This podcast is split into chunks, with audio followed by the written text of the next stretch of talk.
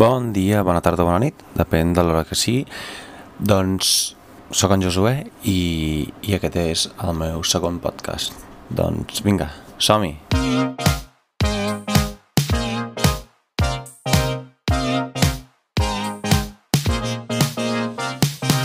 Molt bé, doncs en el podcast d'avui eh, us volia parlar d'un tema que sempre he trobat molt interessant i és el tema dels traumes. Doncs és una perspectiva eh, només personal, des del meu punt de vista més íntim, i us volia explicar una cosa que em va passar a Itàlia, que la veritat és que hi ha gent que em diu, buah, tio, és que no sé com ho fas per, a, per aguantar-ho, no sé no sé com, com ho suportes i és que la veritat tampoc ho suporto. Directament mm, hi ha una cosa que diuen i això ho, ho he vist per la nova sèrie que es diu Ratchet de, de Netflix és boníssima. Doncs que els, els traumes solen ser experiències tan negatives que el nostre cervell directament esborra els records, les imatges, els sentiments i, i, i els sorolls i, que, que, sentíem, que sentíem i provàvem en aquell moment i llavors queda un buit a la nostra vida i sabem que pot ser que hagi passat alguna cosa però no ens recordem ben pas com, que, que ha sigut. Doncs a mi em van passar un dia, eh, jo vivia a Itàlia i el poble, i doncs la mentalitat del poble és molt tancada.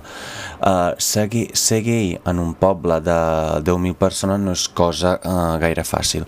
A més, uh, vivint a Itàlia amb el, amb el papa allà i tots els cures i monjos i capellans i el que sigui,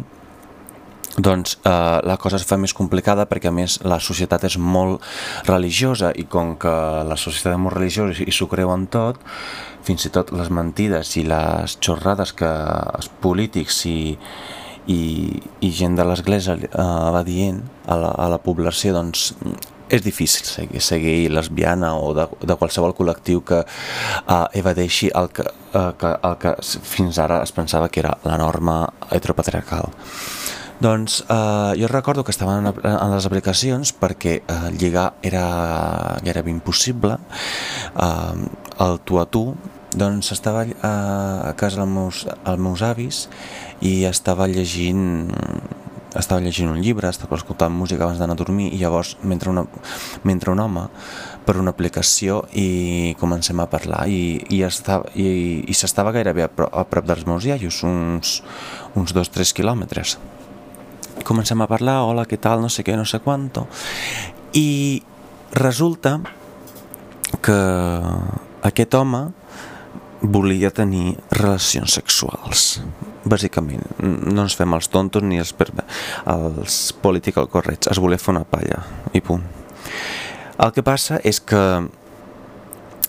a mi eh, personalment no m'agrada pas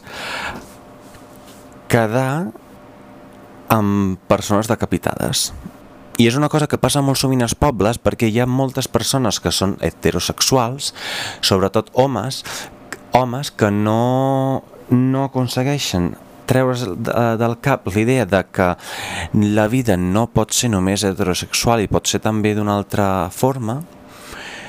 i llavors tenen, tenen, do, tenen la seva parella, òbviament dones,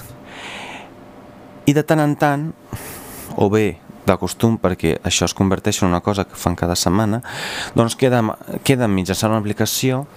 posen a la seva foto sense el cap i intenten lligar. Resulta que jo vaig dir a aquest home que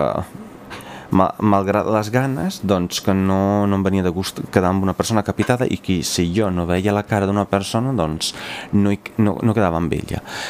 I es va fer pregar una mica perquè no volia ensenyar-me la cara, no volia que jo sapigués qui era, però és molt contradictori perquè mm, si vols quedar no em vindràs pas amb la cara tapada perquè a més era estiu com collons fots tu alguna cosa a la cara perquè jo no te la vegi. I bé, resulta que després d'una bona estona que es va fer sentir em va enviar unes fotos Uh, la premissa és que jo sempre he tingut la meva foto de la cara, o sigui, jo no he tingut mai cap problema. Com que jo sabia que meus pares aquestes coses doncs, li quedaven una mica uh, llunyanes, això de les aplicacions i tot això, o sigui, que no s'hi ficaven, bàsicament, perquè, o sigui, allunyaren tampoc, perquè ma mare tampoc és, té 80 anys. I, i res. I llavors em va violar la cara i va haver-hi un, un, un minut o més aviat dos, en el que jo vaig començar a riure, vaig començar a flipar, vaig començar... És que, no, no, és que no recordo, o sigui, els traumes és això que us deia abans, o sigui, el cervell es borra els, els, els records nítids de que teníem, en, o sigui, la, la, les vivències que teníem en aquell moment. I resulta que era el motiet el meu tiet tenia tres fills, bueno, encara els té, tindria uns 40 i pico d'anys. Sempre ha sigut com el raro de la família, però en un sentit bo, o sigui, sempre havia sigut el més mimat. Jo tampoc tenia gaire relació amb ell, perquè no, no m'interessava massa, més que res perquè sempre ha sigut una persona bastant despreciable des del el meu punt de vista. Uh, què resulta? Que em va enviar la foto del nabo abans de la cara i ho vaig trobar bastant fastigós. Eh, és una cosa que a principi em feia molt de fàstic, però jo crec que cada trauma s'ha de parlar amb algú, amb alguna persona de confiança. I, i res, al final mm, jo vaig parlar d'aquest tema amb una, amb una amiga meva i, i al final jo crec que només externalitzar a, a aquest trauma el meu cervell directament va dir mm, buah, això és una cosa del passat, això oblida tant perquè això va ser una cosa molt fastigosa per, per tu sobretot perquè una part de la teva família, se suposa, eh, uh, t'acaba d'enviar la foto de la, la polla i després t'acaba d'enviar la foto de la cara i es, passa, i es fa passar per tonto del pal que ell pretenia en el seu moment, perquè clar, jo quan el vaig veure el vaig reconèixer, era ell que no m'havia reconegut. Perquè com que es veia un cop a l'any doncs vaig flipar però vaig flipar tant que bueno, després això ho vaig deixar en plan una cosa a oblidar dins d'un calaix i no, no vaig tornar mai més a pensar en això. És que em va fer un fàstic aquell home, la veritat. Però bueno, també és cert que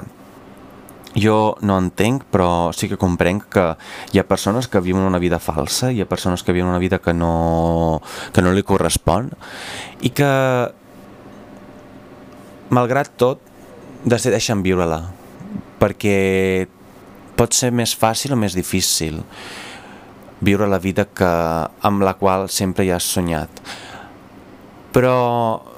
jo crec que si decideixes no viure-la no, no has de fer patir els altres ni fer aquestes merdes per, per estar més, més content amb tu mateix o, o, o, o causar dolor a les persones que se suposa que t'estimen, que bueno, tampoc a la seva dona que l'estimés, jo crec, però com que no és el, meu, com que no és el meu home, el meu tiet, doncs mm, tant me fa, bàsicament, me la sua totalment. I, i ho vaig trobar tan fastigós, però bueno, no li vaig explicar res a ningú de la meva família,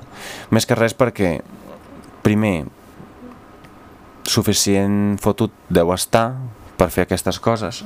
i segon perquè no, no són assumptes meus. I, I això dels traumes jo crec que tothom en té, i tothom és prou gran i vivim en una societat que encara que no t'accepti, però tothom té, a, bueno, ha de tenir el valor d'afrontar les seves pors i, i també afrontar la, la, les, co les coses com són. O sigui, jo no puc viure una vida que és una mentida, perquè jo no puc fer, però arribarà un moment en el que de tantes mentides jo també començaré a mentir-me a mi mateix i llavors ja no sabré qui, qui, qui sóc jo. Mm, bé, ara... Bueno, fins aquí el podcast d'avui. Eh, ha sigut un podcast, podcast uh, bastant uh, intens pel fet que és una vivència que no havia explicat mai uh, al públic, només havia explicat a 4 o 5 persones de, de confiança, però jo crec que és una cosa d'aquelles que quan més en parles, més més, més bé et sents. Perquè no deixa de ser una cosa que em va passar la vida i una cosa que em va formar. Que